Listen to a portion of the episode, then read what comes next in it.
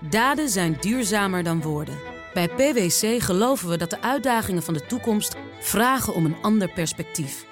Door deze uitdagingen van alle kanten te bekijken, komen we samen tot duurzame oplossingen. Zo zetten we duurzaamheidsambities om in acties die ertoe doen. Ga naar pwc.nl. Wie reist met NS, reist net even anders. Wij reizen groen, zonder moeite te doen. Oh, zo kan je dus ook een dagje weg. En wij werken in stilte. In stilte? Nou ja, met oortjes dan. Oh. Zo gaan we iedere dag vooruit. Wij allemaal. Stap je ook in?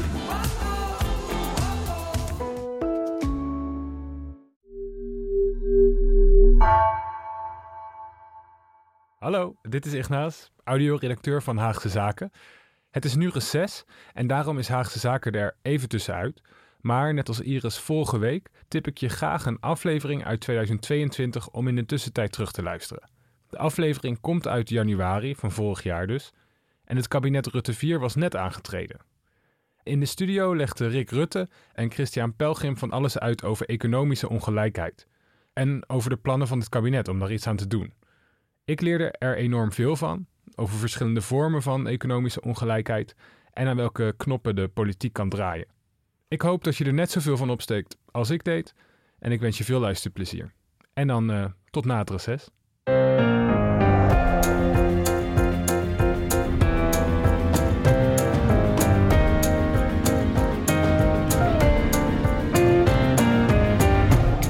Haagse Zaken van NRC. Mijn naam is Lemia Aharouai.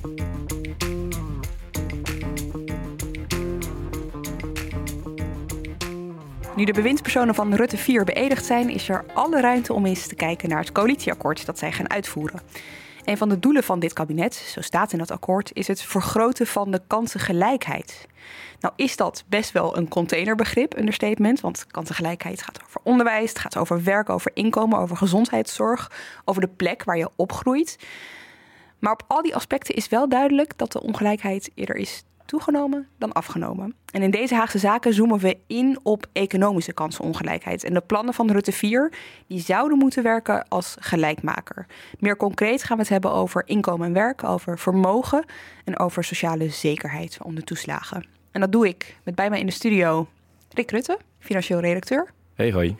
En Christian Pelgrim, economieredacteur. Ja, hoi. Welkom. De laatste keer dat wij jou hier hoorden ging het over pensioenen. Over ehm, de verkiezingen volgens mij, arbeidsmarkt. Ja, ja. Jullie hebben allebei de gave om eh, zeg maar dingen die ik meestal niet begrijp, wel begrijpelijk te maken. Dus eh, die opdracht, eh, die geef ik jullie hier alvast mee. en we beginnen echt eventjes helemaal bij de basis, want kansongelijkheid, je hoort het hier heel erg veel, ook op het Binnenhof. Er wordt zelfs gesproken van een kansencrisis. Maar Christian, waar hebben we het eigenlijk over dan? Over heel erg veel. Je kunt heel veel aspecten noemen van het leven waar dingen ongelijk zijn. En meestal gaat het in de discussie dan over ongelijkheid van inkomen, ongelijkheid van vermogen, uh, ongelijke kansen vanaf het begin. Uh, dus dat kinderen op de basisschool, dat je daar al een verschil ziet van het gezin waar je uitkomt, wat je kansen zijn in je latere leven. Je hebt ook uh, grote uh, ongelijkheden op de arbeidsmarkt. Nou ja, daar, daar, kunnen we het uh, allemaal over gaan hebben. Maar het is nogal een groot begrip inderdaad. Ja, we gaan nu eventjes om het overzichtelijk te houden... dus alleen hebben over economische kansenongelijkheid. We hebben met NRC best wel veel podcasts gemaakt al over het thema. We hebben er een hele serie over gehad in de zomer. Alle linkjes zetten we voor je in de show notes. Waarom is dit eigenlijk zo'n thema nu? Ja, het gekke is dat, dat ongelijkheid natuurlijk altijd al een thema is geweest. Maar je ziet de laatste jaren dat het gewoon steeds urgenter wordt gevonden door de samenleving en door de politiek. En dat het steeds minder geaccepteerd wordt, volgens mij, de ongelijkheid die er is. Waar zie je dat aan bijvoorbeeld? Nou ja, je ziet het natuurlijk vooral sinds de toeslagenaffaire. Dat er veel meer aandacht is voor de kwetsbare burgers en, en wat daar nog meer uh, uh, niet goed gaat. Je ziet het natuurlijk ook in het onderwijs, waar het gaat over de, de kansenongelijkheid. Een goed voorbeeld vond ik dat in de nasleep van de toeslagenaffaire ook de boodschappenaffaire uh, kwam.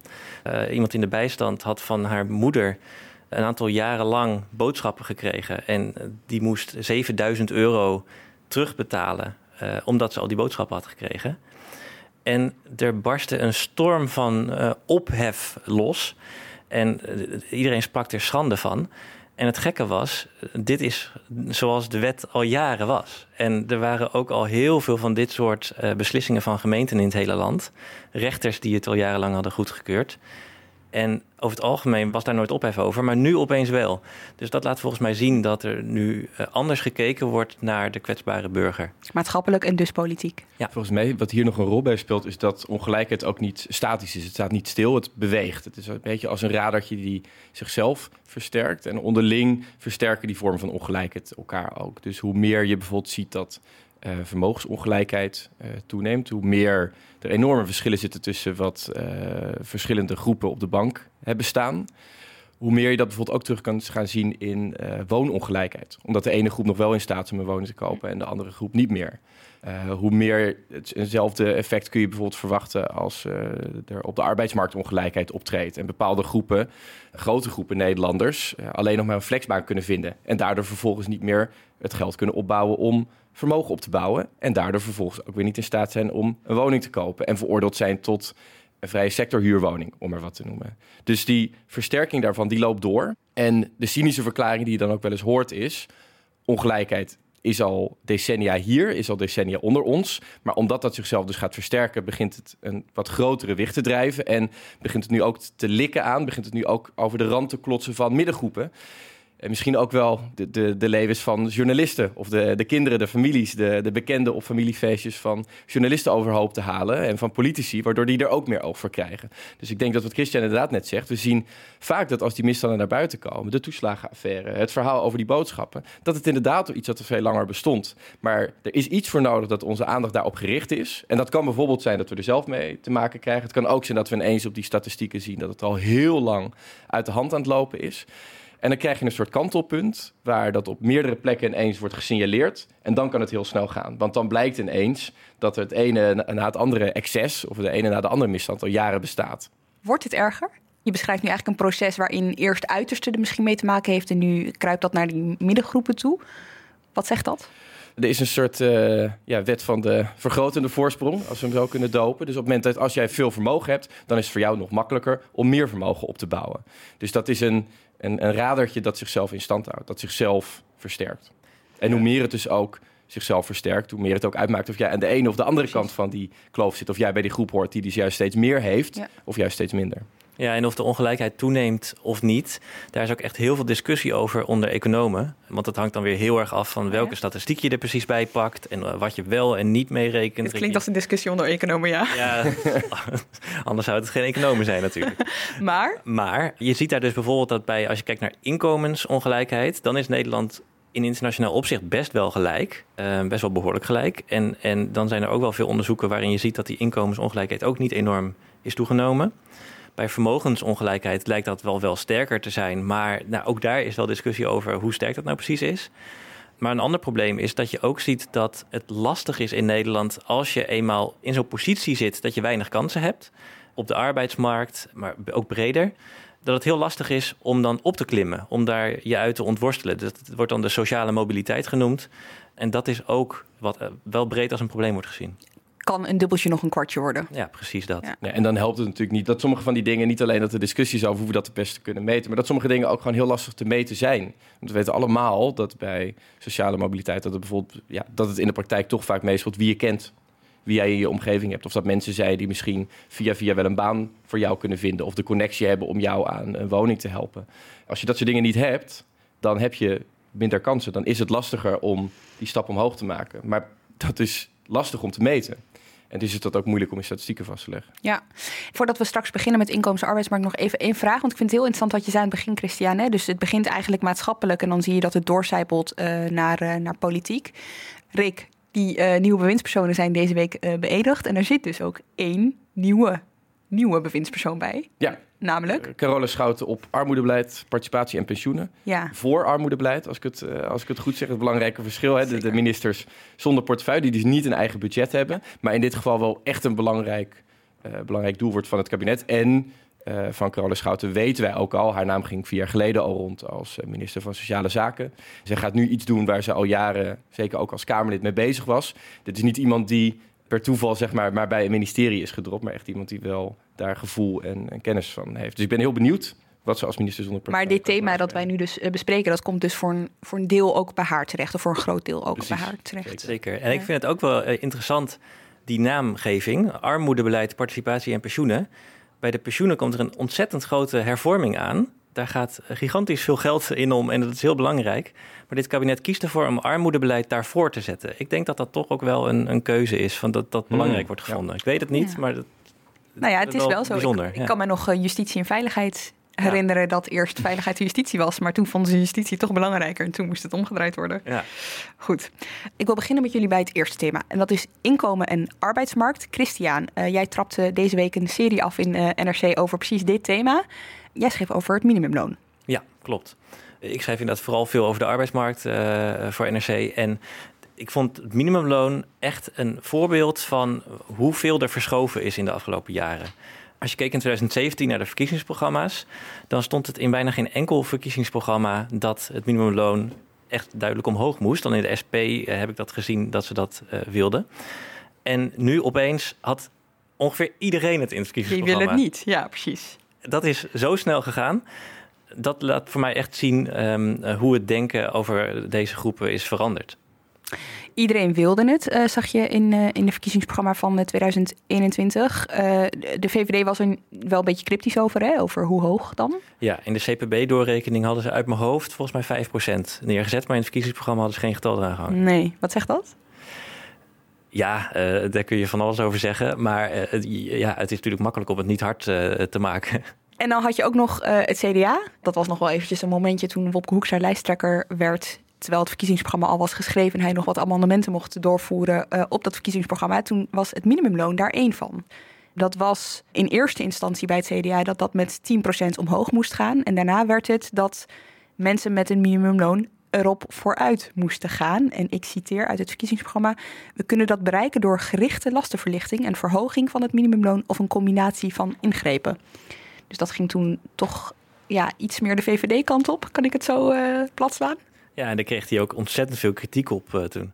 Het was meneer Hoekstra, meneer Wester, als ik dat in herinnering mag roepen. Het was meneer Hoekstra. Op het moment dat u lijsttrekker werd van uw partij, het eerste wat u deed was het verhogen van het minimumloon uit uw programma schrappen. En dat is zo oneerlijk. Daar is geen sprake van, hoor je me op de achtergrond zeggen. Andere linkse eh, partijleiders die maakten daar ook opmerkingen over. Is het gek wat daar gebeurde? Is het gek om niet voor een verhoging te zijn? Nee, je, je kunt natuurlijk alles vinden, dat, dat is sowieso niet gek. Maar het interessante is dat eh, wat Opke Hoekstra heeft veranderd... namelijk we willen mensen met een minimumloon helpen... maar niet per se door het minimumloon te verhogen. Dat kan ook op andere manieren. Dat is wel iets wat een deel van de economen ook zegt. Voor het verhaal dat ik dus had geschreven voor NRC... heb ik een aantal economen gesproken. En, en vooral Bas Jacobs, hoogleraar in Rotterdam... die ehm, zegt dat vaak dat op, als je mensen met een minimumloon goed wilt kunnen helpen dan kun je dat als overheid zelf eigenlijk veel beter doen. Want eh, je kunt als overheid zorgen dat ze minder belasting betalen... of zelfs op eh, overheidsgeld terugkrijgen op hun rekening. Want als jij het minimumloon verhoogt... dan kan het zijn dat een bedrijf denkt... ja, de factor arbeid wordt te duur voor mij... dus ik ga mensen ontslaan of op langere termijn minder mensen aannemen. En dat leidt ertoe dat er dus banen verloren gaan voor deze groep die toch al wat kwetsbaarder is op de arbeidsmarkt. En wat, wat Bas Jacobs en veel andere economen dus ook zeggen is... het is dan veiliger om als overheid te zorgen dat die mensen meer geld overhouden. Dus in plaats van dat je aan werkgevers gaat vragen, betaal die mensen meer, ga je als overheid naar jezelf kijken en eh, bied je ze meer geld op een andere manier. Ja, en voor hun portemonnee maakt dat niet uit. En dan zou je kunnen zeggen, ja, maar ik vind dat werkgevers de lasten moeten dragen. Nou, dat kan de overheid ook doen. Die kan zeggen, dan, dan halen we dat bij de winstbelasting vandaan. Dan verhogen we de winstbelasting en dan hebben we eigenlijk hetzelfde effect bereikt. Ja. Dus eigenlijk zeg je, eh, het verhogen van het minimumloon, dat draagt ook risico's. Ja, en nou is het zo dat hier ook onder economen groot debat over Ja. is. Het zal eens niet zo zijn. Ja. Ehm, en dat heeft wel mee te maken dat er ook veel onderzoeken internationaal zijn geweest... waar een verhoging van het minimumloon helemaal niet zo'n groot werkgelegenheidseffect heeft gehad. Dus het is niet zeker dat het zo risicovol is, maar het zou wel kunnen. Er is een kans dat dit tot meer werkloosheid leidt. Dus er is wat voor te zeggen dat je zegt van nou, we willen deze groep helpen, maar het hoeft niet per se via een hoger minimumloon te zijn. Best interessant, hè? want het is natuurlijk wel een populaire mening om te zeggen, die minimumlonen moeten omhoog. Ik bedoel, Ja. op een verkiezingsposter staat dat best goed. Ik denk dat het ook wel een symbool is geworden Ja, voor het ja. helpen van deze groepen. Ja, En maar Christian, zitten we nu ook niet met een enorme krapte op de arbeidsmarkt? Ja, je zou kunnen zeggen van nou, er zijn zulke grote personeelstekorten, dan maakt het niet uit als er wat banen verloren gaan. En het zou ook best kunnen dat als dit effect zich überhaupt aandient, dat het dan wat langer duurt. Omdat nu werkgevers zo hard op zoek zijn naar personeel, dat dat wel goed komt. Maar op langere termijn, zeggen deze economen, zal het toch wel leiden tot structureel uh, minder werkgelegenheid voor juist die meest kwetsbare mensen. En er is nog een manier om er naar te kijken. Als het minimumloon omhoog gaat van nu 10 euro per uur, ietsjes meer, naar ongeveer 12 euro per uur, wat het dan zou moeten worden. En zo zijn er dus ook mensen waarvan werkgevers zeggen: wij vinden jouw kennis en vaardigheden 9 euro per uur waard. Op het moment dat je een minimumloon instelt dat hoger is, dan is het voor die mensen heel moeilijk om aan het werk te komen. En dan moet de overheid hen gaan helpen met subsidies. Um, op het moment dat je die lat hoger legt, het minimumloon verhoogt, zijn er meer mensen die onder die grens vallen, waarvan werkgevers zeggen: wij vinden jou dat bedrag eigenlijk niet waard. Dat is dus ook nog een risico wat deze economen zien. Dus het kan nadelig zijn voor, even heel oneerbiedig gezegd, voor de onderkant van de arbeidsmarkt. Ja, precies. En dat is het, het gekke wat je nu ook ziet. Er zijn inderdaad hele grote personeelstekorten. En toch zijn er ook nog steeds mensen die langdurig werkloos zijn, omdat werkgevers geen zin hebben om daarin te investeren. En dat is het hele dubbele van deze tijd. Aan de ene kant zijn er hele grote personeelstekorten. En zijn er toch nog steeds mensen waarvan werkgevers denken: jij, maar jij hebt tot twee jaar lang thuis gezeten of je hebt niet de goede kennis en vaardigheden. Ik ga niet in jou investeren. En een verhoging van het minimumloon verergert dat probleem eerder dan dat het het oplost. Precies, dat zou dat probleem inderdaad kunnen verergeren. ik ben nog voorzichtig. Slag om de arm, ja, nee, gelijk heb je helemaal. In die zin is zo'n onderhandeling over een loon... of dus een beslissing over minimumloon... ook een soort van, uh, ja, bijna een onderhandelingsspel... Waarbij een werkgever natuurlijk altijd zal zeggen van nee, maar ik moet helemaal niet meer gaan betalen aan die werknemer, want dat kan ik niet missen of dat is niet wat die werknemer voor mij waard is. Dat zal deel als onderhandelingsstrategie zijn, want die werkgever wil natuurlijk zoveel mogelijk uh, winst voor zichzelf behouden. Dat is, dat is hoe een bedrijf zou opereren. Maar het kan natuurlijk ook dat dat daadwerkelijk oprecht is en dat als dan inderdaad zo'n loon omhoog gaat, dat die werkgever zegt: ja, sorry, dan zie ik echt geen andere optie dan afscheid te nemen van deze of die werknemer, omdat ik het niet meer op kan brengen. Ja. Want je noemt net, hè, uh, Christian, het was 10, het wordt nu 12 per uur ongeveer. Ja, en, en het is nu nog zo dat je eigenlijk uh, is het minimumloon een maandloon. Iets meer dan 1700 euro uh, bruto per maand. En dan hangt het er een beetje van af wat jouw uurloon is, um, uh, hoeveel uur jouw voltijdswerkweek is. en dat verschilt per werkgever. Bij sommigen is het 36 uur voltijd en bij sommigen 38 of 40. En als je dat maandloon door 40 uur deelt, dan wordt het dus lager. Ja. Dan zit je iets onder een tientje. En bij een 36-urige werkweek, dan zit je rond de 11 euro nu. Maar dat wordt dus gewoon echt een uurloon. Dat wordt één uurloon. En uh, dat is wel het interessante. Dat is een initiatiefwet uh, die nu al in de Kamer ligt van PvdA en GroenLinks. Die de coalitie gaat omarmen. Kijk. En daar komt dan nog een kleine verhoging bovenop van 7,5 procent. Toenadering. Precies. Volgende week is het debat over de regeringsverklaring, Rick. Nou, dit horen we ze al een paar keer zeggen, nu al. Van, hè? We, hebben jullie toch ook gegeven wat jullie wilden? Ja. We hebben het er nu over. Maar is dit een aardschok? Had je dit twee jaar geleden kunnen bedenken? Ik bedoel, is dit iets wat... Nou, het... um je had het een paar maanden geleden natuurlijk wel kunnen bedenken. En dan zou je het nog zelfs kunnen zeggen dat dit bescheiden is. Want linkse partijen hadden 40% verhoging in een, uh, in een programma staan. Dus dan valt het nog mee. Maar uh, ik weet nog heel goed dat ik in 2019 heb geschreven over de FNV... die de minimumlooncampagne begon. Die zeiden van het minimumloon moet van 10 naar 14 euro. En ja, ik heb daarover geschreven toen ze daarmee begonnen. En ik dacht, nou, interessant. In Amerika was er al wel een beetje een debat over minimumloon omhoog. In Nederland speelde het totaal niet. Dat heb ik ook opgeschreven. Uh, nou, de vakbond wil dit, prima. En opeens begonnen er langzaam dingen te schuiven. En uh, nou ja, dat is wel echt snel gegaan, ja. ja. Want toen de vakbond daarmee begon, wilde niemand het. Tenminste, mensen wilden het misschien wel, maar ze begonnen het er niet over. Wat toch een beetje bij mij is blijven hangen, en daarna gaan we echt door hoor. Maar is wat je net zei, uh, Christian, over die economen. En dat ze het er eigenlijk helemaal niet over eens zijn dat dit nou per se die groepen helpt die geholpen zouden moeten worden. Of uh, die je zou willen helpen als kabinet. Is er vergelijkend onderzoek met andere landen die dat minimumloon omhoog hebben gedaan? Is de werkloosheid inderdaad groter geworden daar? Ja, die onderzoeken verschillen dus nogal. In, de jaren negentig was er echt een baanbrekend onderzoek in de Verenigde Staten. Waar twee uh, verschillende buurstaten een, hetzelfde minimumloon hadden. Dat was gewoon het federale minimumloon. En een van die twee staten ging dat verhogen. En toen hebben twee economen, uh, Cart en Kruger, vorig jaar is het onderzoek bekroond met een Nobelprijs voor de economie. Die hebben, die hebben onderzocht van wat, wat voor impact heeft het nou dat in die ene staat dat minimumloon omhoog gaat. Dus ze hebben gekeken naar fastfoodrestaurants en hoeveel werkgelegenheid is daar nou? En hoeveel nieuwe fastfoodrestaurants openen die ketens in ja, beide staten? Ja. En zij vonden tot een aantal maanden na uh, die verhoging gewoon totaal geen effect. die, in beide staten was er een, ongeveer een vergelijkbare werkgelegenheidsontwikkeling in die fastfoodrestaurants. En openden er ongeveer evenveel nieuwe vestigingen. Dus geen effect op. Dus geen effect op de werkgelegenheid. En die mensen zijn er wel op vooruit gegaan. Ja, precies. En zo qua, volgden er meer studies uh, in, in verschillende landen waar geen of weinig effect was. Maar ook nog een aantal studies waar wel werkgelegenheidseffect was. Zou ook niet anders kunnen. Ja. En dus is er nog steeds discussie. Maar dat is dus wel het interessante. Ja. Dat, um, om dat te verklaren, zijn er dus economen die zeggen: misschien hebben werkgevers wel te veel marktmacht gekregen, waardoor het loon onnatuurlijk laag is gebleven.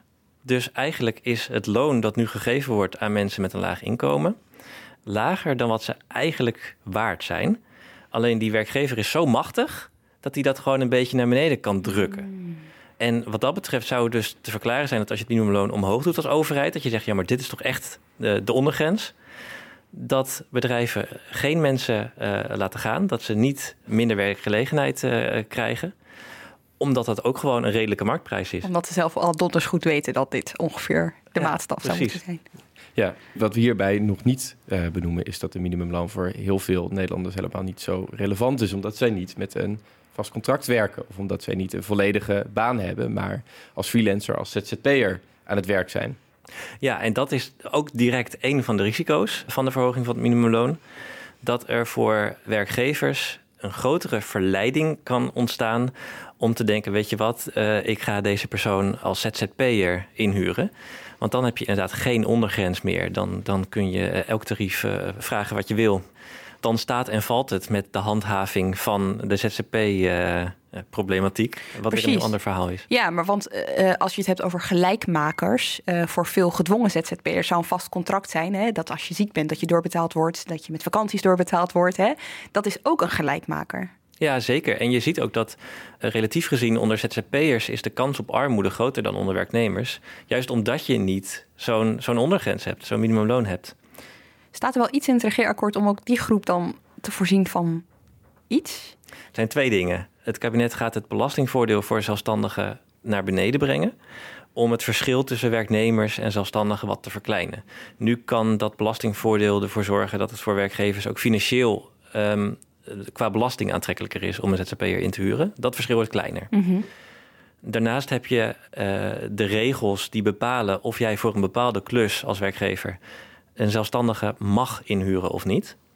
En die regels zijn echt al jaren niet gehandhaafd. Dus schijnzelfstandigheid wordt eigenlijk praktisch gedoogd in Nederland. En dat betekent dus eigenlijk dat je wordt ingehuurd als ZZP'er... terwijl je eigenlijk gewoon fulltime voor één opdrachtgever aan het werk bent. Maar je bent goedkoop. Ja, het is niet per se één opdrachtgever. Dat, dat, is wel een, dat kan een vermoeden zijn. Dat, maar het gaat, ja, er zijn allerlei criteria die samen met elkaar bepalen... of jij genoeg ondernemersvrijheid hebt. Of je zelf mag bepalen op welke manier je een klus mm. doet. Of wanneer, of op welke plek. En al dat soort criteria samen bepalen... of jij genoeg ondernemersvrijheid hebt in die klus. En die regels zijn gewoon niet gehandhaafd uh, afgelopen jaren. En het nieuwe kabinet zegt nu dat ze dat willen handhaven. Maar ja, dat hebben de vorige kabinetten ook al gezegd. Zeggen, dat zeiden de vorige ook. En dat ja. ging steeds uh, ontzettend lastig, omdat ze toch ook werkgevers meer duidelijkheid wilden geven over waar dan die grens zit tussen genoeg vrijheid en te weinig vrijheid. Dus dat iemand in dienst moet, moet worden genomen. En dat is gewoon zeer de vraag of dat dit kabinet gaat lukken. Wat ik mij nou afvraag, Christian, en ten eerste denk ik dat het goed is om hierbij nog eens te zeggen dat Nederland ook echt uitblinkt in al deze flexconstructies. In de zin van, het zijn er heel veel en er zijn veel meer Nederlanders die in flexbanen zitten dan je in andere landen ziet hoe die verhoudingen zijn. Ja. Twijfelachtige eer om hierin uit te ja, blinken. Ja, ja, een hele twijfelachtige eer, dat zeg ik er zeker bij. Maar als ik het goed begrijp, hebben we ook hier heel veel onzekerheid over wat er nou precies gaat gebeuren als we in gaan grijpen, toch? Dus bijvoorbeeld als we eigenlijk die flexbaan of die ZZP-tak iets vaster maken waardoor dat duurder wordt om een ZZP'er in te huren. Dat we eigenlijk ook daar, net als bij dit minimumloon, de vraag hebben van dat die tarieven nu zo laag waren de afgelopen jaren. Is dat nou echt omdat die werkgever of die opdrachtgever niet meer kon betalen? En laat hij diegene dus gaan als hij straks meer moet betalen? Uh, laat die, geeft hij diegene die opdracht niet meer? Of is het toch die marktmacht? Is het zo dat die uh, opdrachtgever gewoon zegt: Ja, ik hoef jou niet meer te betalen dan dit, want voor jou tien anderen. En nou, vooruit, als ik dan meer moet betalen of bij moet dragen aan een verzekering uh, die jij moet afsluiten, dan, kan ik dat eigenlijk alsnog wel doen. Ik doe het alleen liever niet. Ja, en, en het, het is inderdaad bijvoorbeeld die um, afbouw van dat belastingvoordeel voor zelfstandigen Je kunt je afvragen, uh, als je kijkt naar de meest kwetsbare uh, zelfstandigen die uh, weinig ondernemersvrijheid hebben en een laag tarief, of zij zelf die klap moeten opvangen van dat belastingvoordeel dat jaar op jaar lager wordt. Of dat ze dat kunnen doorrekenen aan hun opdrachtgever. Nou ja, dat, dat is natuurlijk de vraag op het moment dat jij in een kwetsbare positie zit. En dan staat of valt het dus met, slaagt dit kabinet er straks in om diegene die als zelfstandige werkt, maar eigenlijk helemaal geen ondernemersvrijheid heeft, om te zorgen dat die echt in dienst worden genomen. En dan is het wel bijzonder dat in het regeerakkoord minder vergaande uh, stappen staan dan in uh, het rapport van de Commissie van Wijzen van twee jaar geleden. Uh, waarvan het rapport wel omarmd wordt in het coalitieakkoord. Wat me trouwens nog wel opviel aan die arbeidsmarktparagraaf is dat het heel algemeen is gebleven. Dus er wordt wel gezegd van we gaan de flexcontracten inperken. Dat moet minder worden, maar hoe dan precies en hoe vergaand ook, dat is echt de vraag. En er zijn um, adviesrapporten geweest waarin staat dat uh, gewoon de hele weerwar aan soorten contracten, dus uh, oproepcontracten, payrolling, nulurencontracten, dat het allemaal afgeschaft moet worden. Dat is heel vergaand. Ik denk dat daar in de coalitie ook nog best wel discussie over kan ontstaan. Want CDA, D66, ChristenUnie, die willen allemaal die, die veelheid aan flexcontracten mm -hmm. inperken. VVD wil dat absoluut niet. En er staat niks over in het coalitieakkoord dus ik, ik ben heel benieuwd of daar nog uh, veel discussie over komt. Misschien uh, wordt dit wel een van die onderwerpen waarvan ze dan gaan zeggen... ja, maar dat was toch juist de bedoeling dat we het niet helemaal zouden uitwerken. Dan komen die ja, uitvoeringsprogramma's precies. en daarin kan het allemaal uh, ja, gedaan worden. Oké, okay, hier zouden we een hele aflevering over kunnen maken, maar dat doen we niet. Want we gaan alweer door naar de volgende ongelijkmaker. Zo noem ik het maar eventjes. En dat gaat over vermogen, Rick. Ja, vermogen uh, is. Uh, het interessante is denk ik dat wat Christian net al zei was. Als je kijkt naar inkomensgelijkheid, dan doet Nederland het best goed. Dan is Nederland best een gelijk land. Vermogen is eigenlijk het omgekeerde verhaal. Daar scoort Nederland ook internationaal juist heel laag in. Oftewel, er zitten hele grote verschillen. Misschien niet tussen wat mensen verdienen, maar wel wat ze hebben. Nou, hoe kan dat? Omdat dus een groot deel van onze economie draait op wat mensen aan bezittingen hebben. En bezittingen, uh, spaargeld. huizen, spaargeld, noem maar op. Ja. Kan ook kunst zijn. Kan inmiddels dus ook uh, een, een, setje huizen in de Amsterdamse grachtengordel zijn. Wat dan ook. Daar zit veel in. Ja. En waarom is dit nou belangrijk? Dat is eigenlijk de les die we een paar jaar geleden uh, hebben geleerd van Thomas Piketty. Dat kapitaal sneller groeit dan de economie. Oftewel, je hebt er eigenlijk meer aan om iets te hebben dan om te werken. Of als jij een huis bezit uh, nou, volgens mij, Christian, ben jij de enige hier aan tafel die uh, trots woningbezitter is. Kort, ik ben uh, Dat roept, wat volgens mij de vraag heel goed samenvat, is... verdien jij in een jaar tijd meer dan je huis?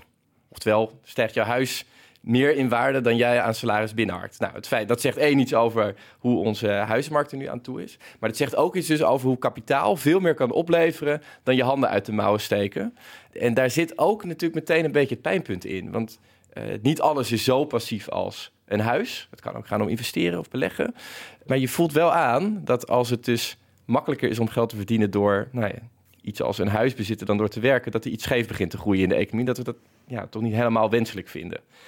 Nou, Nederland heeft dus een enorm ongelijke positie daarin. En dat komt vooral omdat in ons belastingstelsel er ook heel scheef belast wordt. En nu gaan we de boksen uitleggen het klinkt echt verschrikkelijk, maar het, het is eigenlijk heel is makkelijk. misschien moeten we gewoon het woord box niet gebruiken. Wat, wat, misschien, wat eigenlijk een handige manier is volgens mij om het uit te leggen... is dat eigenlijk een belastingstelsel is gewoon een soort paneel met allemaal schuiven en knopjes. En je kiest daarmee van welke schuifjes en knoppen zetten we heel hoog. Waar willen we eigenlijk veel geld mee binnenhalen... En waar willen we wat minder geld mee binnenhalen? En daar gebeurt natuurlijk van alles mee. Het betekent en dat je daar dan veel geld mee binnenhaalt. Maar dat prikkelt natuurlijk ook. Als jij veel belasting hebt over arbeid, dan kun je daar heel veel geld mee binnenhalen. Want uh, heel veel mensen werken en die gaan dan een flink deel van hun salaris afdragen aan de belasting. Het kan ook betekenen dat mensen misschien wat minder gaan werken.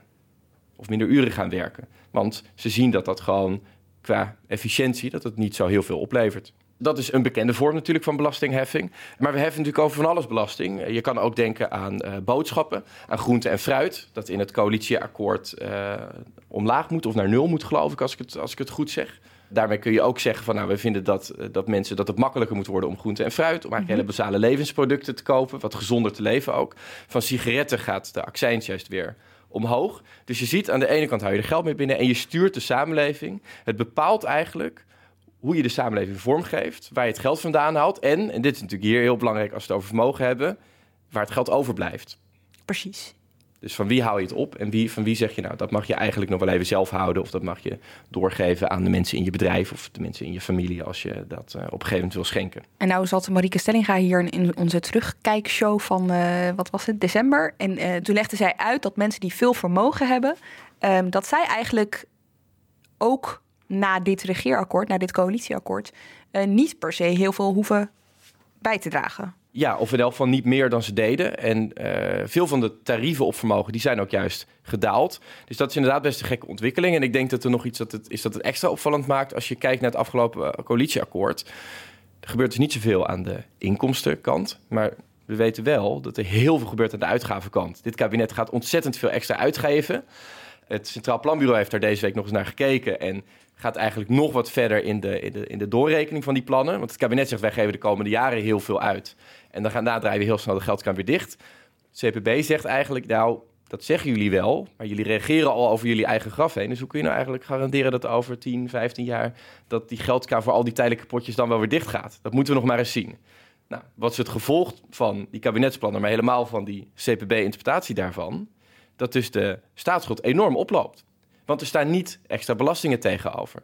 Dat valt ook op als je teruggaat naar de verkiezingsprogramma's. Daar waren wel meer partijen, met name op links, die hele grote plannen hadden. Maar die zetten daar heel vaak dan ook hogere belastingen tegenover. En het aparte van dit kabinet is dus dat het wel kiest voor die extra uitgaven, maar eigenlijk niet de pijn leidt van bepaalde groepen zwaarder belasten. Ze kiezen niet. Precies. Ja. ja. En ik ben wel benieuwd uh, voor jullie politiek watchers hoe je er tegenaan kijkt. Zou dat ook een uitruil kunnen zijn geweest? Dat ze hebben gezegd, we gaan gewoon heel veel uitgeven op thema's die D66 en ChristenUnie belangrijk vinden. Maar we gaan niet vermogens ook nog eens heel erg uh, streng belasten. Dat gaat ons een beetje te ver. Ja, maar het, het is natuurlijk van... dan heb je dus alleen maar dingen die positief uitvallen... en eigenlijk geen dingen die, uh, waar iemand pijn bij leidt. En ik vind dit sowieso... is dit voor mij een van de, de lessen van het coalitieakkoord. Dat als je dus ziet dat dat waar geld niet een oplossing kan zijn, omdat je gewoon moet zeggen ja of nee. Gaan we Lelystad Airport openen? Gaan we het aantal uh, immigranten in Nederland uh, jaarlijks beperken tot een maximum aantal? Dan hebben ze dus ook niet meer een pasklaar antwoord. Dus waar ze geld kunnen uitgeven, hebben ze dat heel vaak gedaan. Structureel of tijdelijk, whatever. Waar ze het niet het met geld kunnen oplossen, daar uh, doen ze er eigenlijk niet zo aan. Want dan zou iemand wel eens pijn moeten lijden. En waar ze dat moeten gaan financieren, al die extra uitgaven, daar zou ook iemand pijn moeten lijden. Want je moet dat dan op iemand afwentelen. En daarvan hebben ze dus gezegd, dat gaan we niet doen. We lenen het wel in een paar jaar met een paar fondsen. En dan hoeft eigenlijk niemand een cent extra belasting te betalen. Bijna. Ik vind het heel gedurfd van je dat je het allemaal hebt gedaan zonder die box te noemen. Maar ik ben bang dat het toch eventjes moet. En dan moeten we het heel specifiek hebben over box 2. Want daar draait het uiteindelijk om. Dat is, kort gezegd, waar mensen hun, die bijvoorbeeld over een onderneming beschikken, waar ze hun winst belasting ja. Dus we hebben drie boxen in het belastingstelsel. Box 1, dat is werk en woning. Box 2, dat, is dan, dat heet dan uh, aanmerkelijk belang. Dat is wat je dat via een BV bijvoorbeeld binnenhaalt. En 3 gaat dan nog over sparen en beleggen. Het is goed om te beseffen dat bijna alle Nederlanders zitten in die eerste box. Die hebben vaak werk en ook vaak, of relatief vaak, een woning. Dan heb je box 3, nou daar zitten nog ongeveer 3 miljoen Nederlanders in. Box 1, dat zijn iets van 13 miljoen. En in die box 2 is een aparte box. Daar zitten maar 400.000 Nederlanders in. Maar daar zit ook iets van 400 miljard euro aan vermogen in. Exact, daar wilde ik het nog even 400.000 eigenlijk nog dat een groot deel van dat enorme vermogen eigenlijk nog maar eens bij 10% van die 400.000 zit. En daarom wilde ik het eventjes noemen, want dit is best belangrijk. Misschien kun je even het verschil uitleggen over wat je betaalt aan belasting als je in box 1 zit en wat je betaalt aan belasting als je in box 2 zit. Ja, nou laten we beginnen met de constatering dat deze box ook wel de pretbox wordt genoemd. Dan heb je waarschijnlijk een vermoeden. uh, dat boxenstelsel zoals het is, dat bestaat eigenlijk nog niet zo heel lang. Dat bestaat ongeveer 20 jaar. En ooit waren die tarieven vrij gelijk. Dus het maakt eigenlijk niet zo heel veel uit of jij uh, je geld haalde uit, uit werk of uit uh, winst. Of dat je, hè, of dat je ZZP'er, aandeelhouder, werknemer was. Dat was een beetje gelijk. maar door de jaren heen zijn die, zijn die tarieven enorm uit elkaar gaan lopen. En het gevolg is dat jij nu veel minder belasting betaalt voor wat je als winst verdient.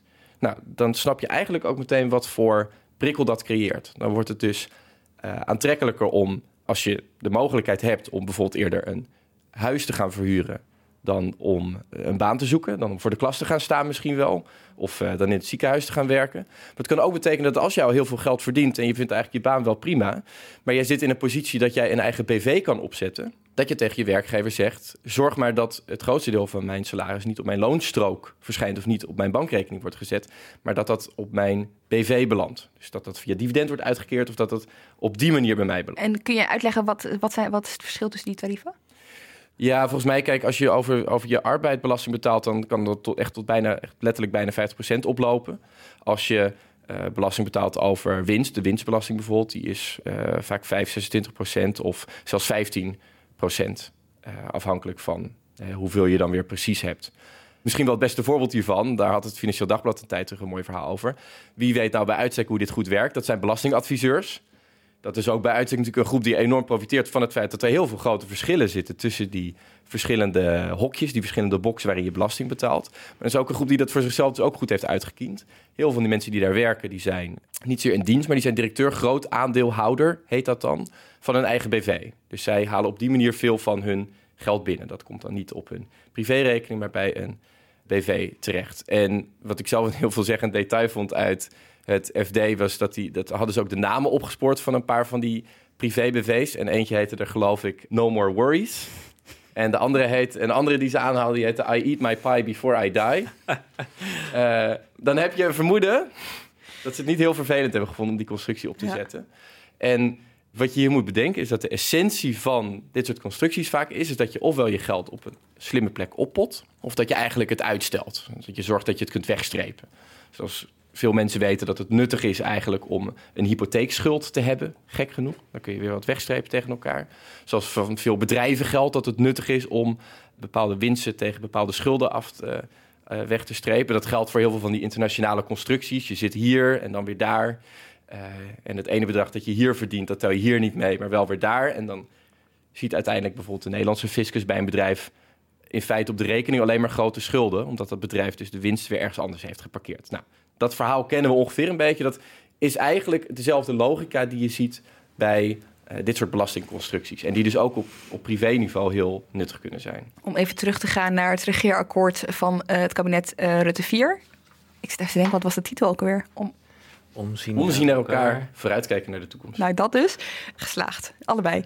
Waarom wordt dit niet aangepakt eigenlijk, is de simpele vraag. Dat is, dat is een hele goede vraag. En het is vooral best opvallend, omdat net als bij uh, andere vormen van ongelijkheid, die is echt wel aandacht voor geweest. Door Piketty is dit iets waar heeft iedereen wel een soort vaag idee van hoe die ongelijkheid werkt en zichzelf versterkt. Dat was ook een thema in de campagne. Hè? Ik bedoel, ik kan, ik kan, me nog het RTL-verkiezingsdebat uh, herinneren. Toen was de stelling: het is onvermijdelijk dat de komende jaren de best verdienende en rijkste Nederlanders meer belasting zullen moeten gaan betalen. En toen was iedereen het daarmee eens.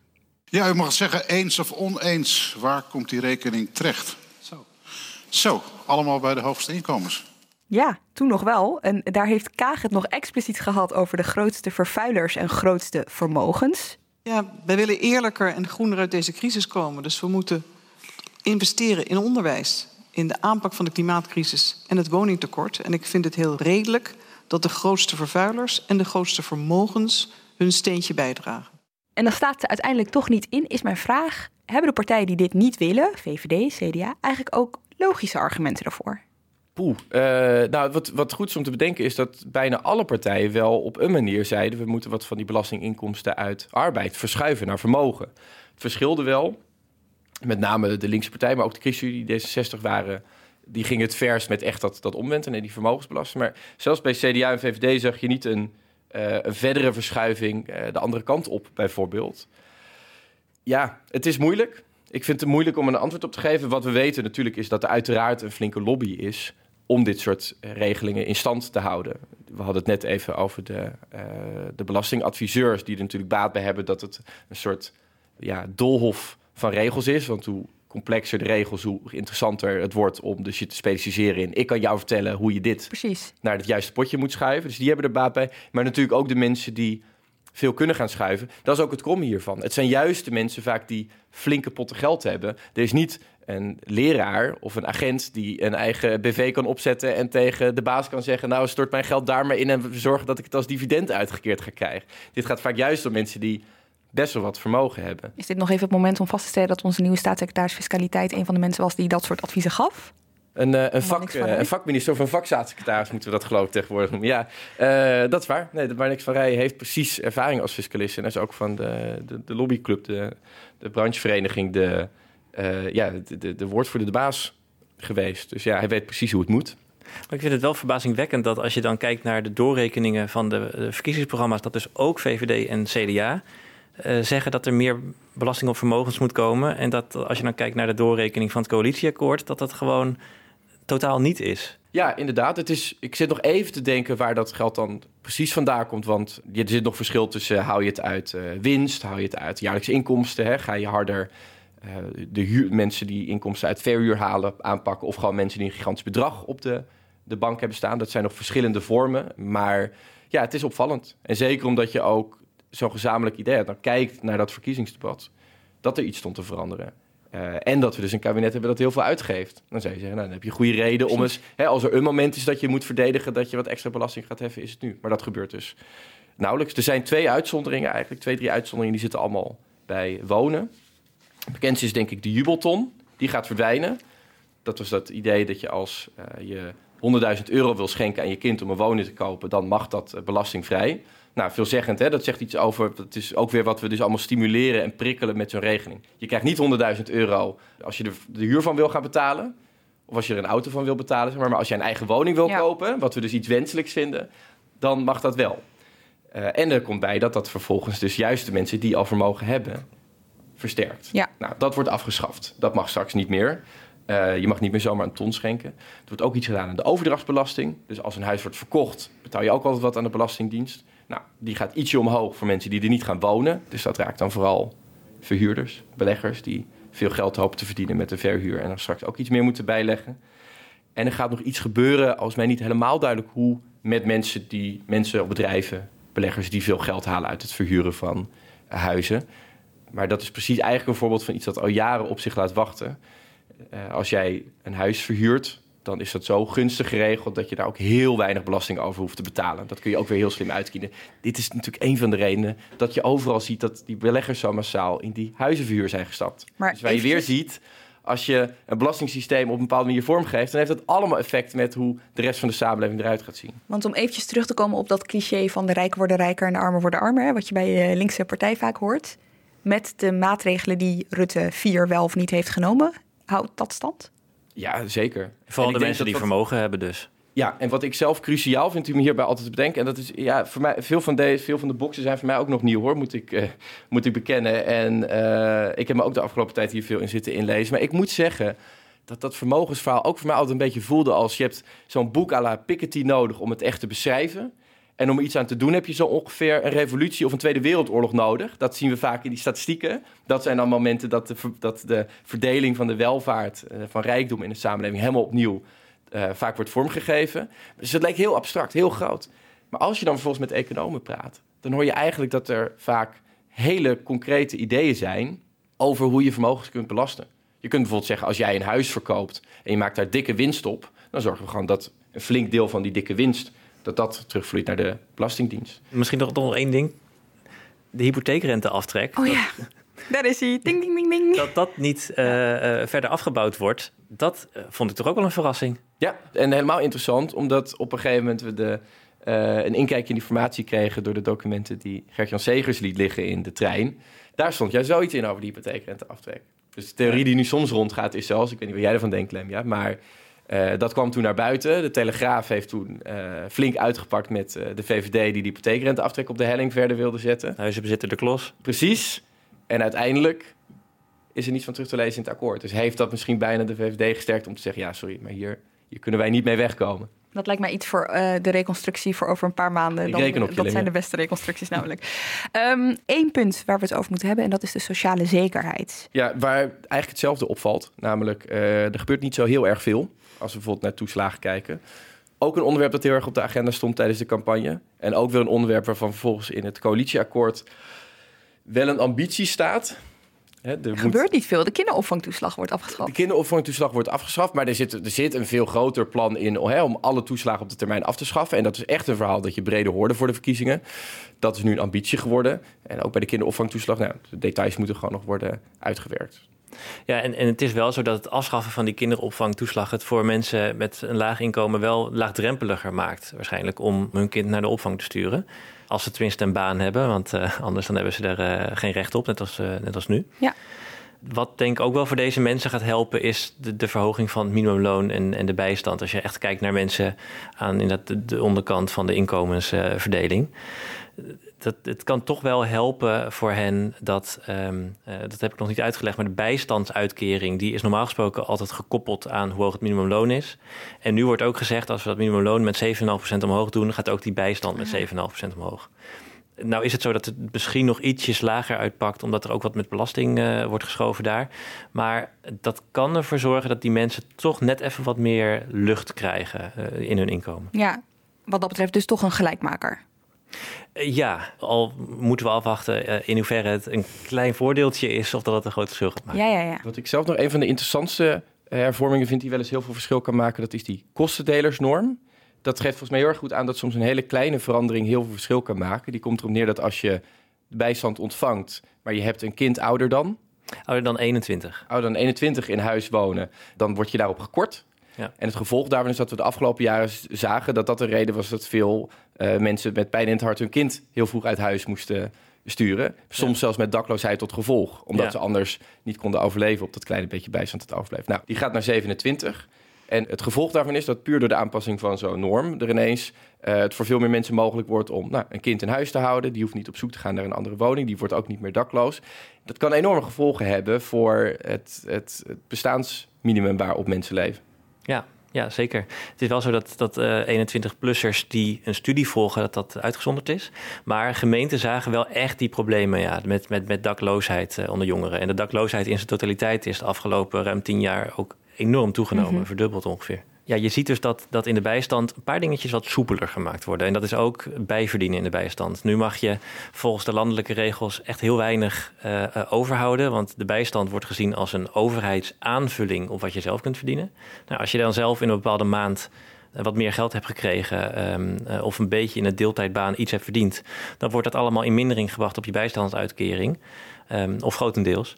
En het kabinet zegt nu, je mag ietsjes meer erbij verdienen. En ook dat laat zien dat het allemaal net ietsjes soepeler wordt voor deze groepen. Er komt gewoon wat meer lucht eigenlijk. Ja. Is dat ook met het idee dat, dat je ze dan richting arbeidsmarkt duwt meer? Namelijk als je, ze, als je faciliteert dat ze meer kunnen gaan werken, dat dat helpt? Nou, het gekke is dat het eerder andersom was. Dat, dat gezegd werd van ja, we moeten eh, het allemaal niet al te riant maken in de bijstand. Want ja, dan hebben mensen geen prikkel meer om naar het werk te gaan. Ja. Maar de afgelopen jaren is wel uit onderzoek gebleken, eh, ook van experimenten van verschillende gemeentes, dat het eigenlijk niet zo heel veel uitmaakt als je wat soepeler wordt als gemeente. Dat het niet zo is dat mensen dan minder vaak naar het werk gaan. Dus ehm, het is in- inderdaad eerder dat altijd werd gedacht dat het streng moest zijn. En nu blijkt dat het niet per se hoeft. Dit lijkt me trouwens wel ook echt iets wat wel van betekenis is. We, noemen het hè, aan het eind, maar dit lijkt me voor die groepen toch wel eh, het verschil maken. Ja, hoewel dit, dit zijn echt twee eh, kleine maar belangrijke aanpassingen voor deze groepen, eh, dan is het nog niet meteen zo eh, dat het allemaal heel riant wordt in de bijstand. Nee, nee. Eh, dus ehm, dat, dat is ook nog even afwachten hoe dat uitpakt. Het laat denk ik wel goed zien dat als we het hebben over ongelijkheid of over het systeem aanpassen, dat we dus het vaak gaan hebben over het hele toeslagensysteem omgooien. Nou, dat is lastig. Je kan dus met dit soort simpele ingrepen wel enorm veel effect hebben, precies zoals je zegt. Dus er is, eh, nou ja, het kabinet doet daar een beetje aan. Er zijn nog veel meer van dit soort ingrepen waar je van alles mee kan doen. Maar dat kan dus met een kleine wijziging als ze nou veel gevolgen hebben. Als we het hier nou allemaal over hebben gehad, hè, en nu ga ik jullie iets onmogelijks vragen, maar ik ga het toch eventjes doen. Zou je dan die ambitie die dus in het, eh, of eigenlijk het doel dat in het regeerakkoord staat in de inleiding, hè, eh, de, de kansengelijkheid vergroten, zie je dat gebeuren met dit coalitieakkoord? Misschien wel een beetje. Ehm dat de hogere minimumloon. Sprak hij heel voorzichtig. Ja, voorspellingen doen is altijd lastig. Maar die, dat hogere minimumloon en hogere bijstand kunnen dus wel eh, wat meer lucht geven. En je ziet ook in de, de doorrekening van het CPB dat op de lange termijn de ongelijkheid ietsjes afneemt in de modellen. Maar ook niet veel. Maar ja, we moeten dus ook nog afwachten hoe dit allemaal in de portemonnee uitpakt van mensen. En wat er überhaupt van die ambities om dingen te veranderen wordt waargemaakt. Ja, nou, een, een hele stevige ambitie in het regeerakkoord is ook de, de, het aantal kinderen dat in armoede opgroeit halveren in vier jaar tijd. Dat is echt een forse ambitie. En het, ik denk dat het wel heel moeilijk wordt om dat waar te maken hoor. Het, het, het kan helpen om zo'n ambitie neer te zetten, maar er moet er wel heel veel gebeuren. Dan blijf ik nog even in de vermogenssfeer en dan, uh, en dan blijf ik sceptisch. Uh, ik denk dat wat nog belangrijk is om, om te onthouden is... Het gaat vaak uh, ook weer nu door de CPB-doorrekening hebben we over ongelijkheid tussen generaties. Dus dat jongeren straks de, de, rekening van deze kabinetsplannen bijvoorbeeld betalen. Dat hoor je ook vaak als het om andere vormen van uh, wie er wel en niet geld heeft. Dan gaat het ook vaak over generatieverschillen. Maar belangrijk is om uiteindelijk te beseffen dat ongelijkheid tussen generaties zal uiteindelijk altijd leiden tot ongelijkheid binnen generaties. Volgens mij is het meest praktische voorbeeld hiervan is de woningmarkt. We zien nu inderdaad dat jongeren veel minder makkelijk toegang hebben tot, tot, de woningmarkt dan uh, de generaties voor hen. Wat betekent dat over tien jaar? Nou, dat die oudere generatie die wel een woning heeft, in sommige gevallen, maar niet in alle gevallen, dat een deel daarvan dus verhuisd is of het, het huis verkocht heeft, misschien gestorven is dat die woning wordt geërfd of de winst wordt geïncasseerd door hun kinderen. Die hebben dus wel het vermogen, die hebben misschien wel een huis. Die andere groep, die erft van de ouders geen huis, heeft er geen toegang toe, mag waarschijnlijk gaan huren in misschien wel het tweede huis van hun generatiegenoten, die wel op die manier zijn begonnen uh, op de woningmarkt. En zo zie je dus dat al snel, of nou begint met een verschil tussen generaties, dat die verschillen die daarbinnen zijn uiteindelijk steeds vanzelf zullen groeien. Ja, dus dat juist door die vermogensongelijkheid ook de kansenongelijkheid in stand blijft. Precies. En iets dat juist nu telt, de komende tien jaar, wordt wel eens het grote erven genoemd. Je zal zien dat er gewoon ja, dat er veel geld geërfd gaat worden. Dat een grote groep van de mensen die nu het vermogen heeft, uh, er straks niet meer is, gaat sterven of misschien gaat verhuizen en een huis gaat verkopen.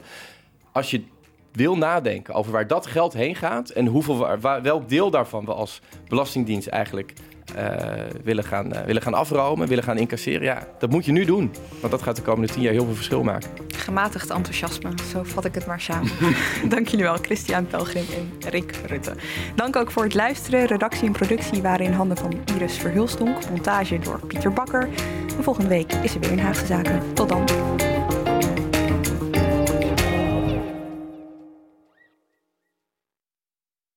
Een maatschappij waarin iedereen meedoet.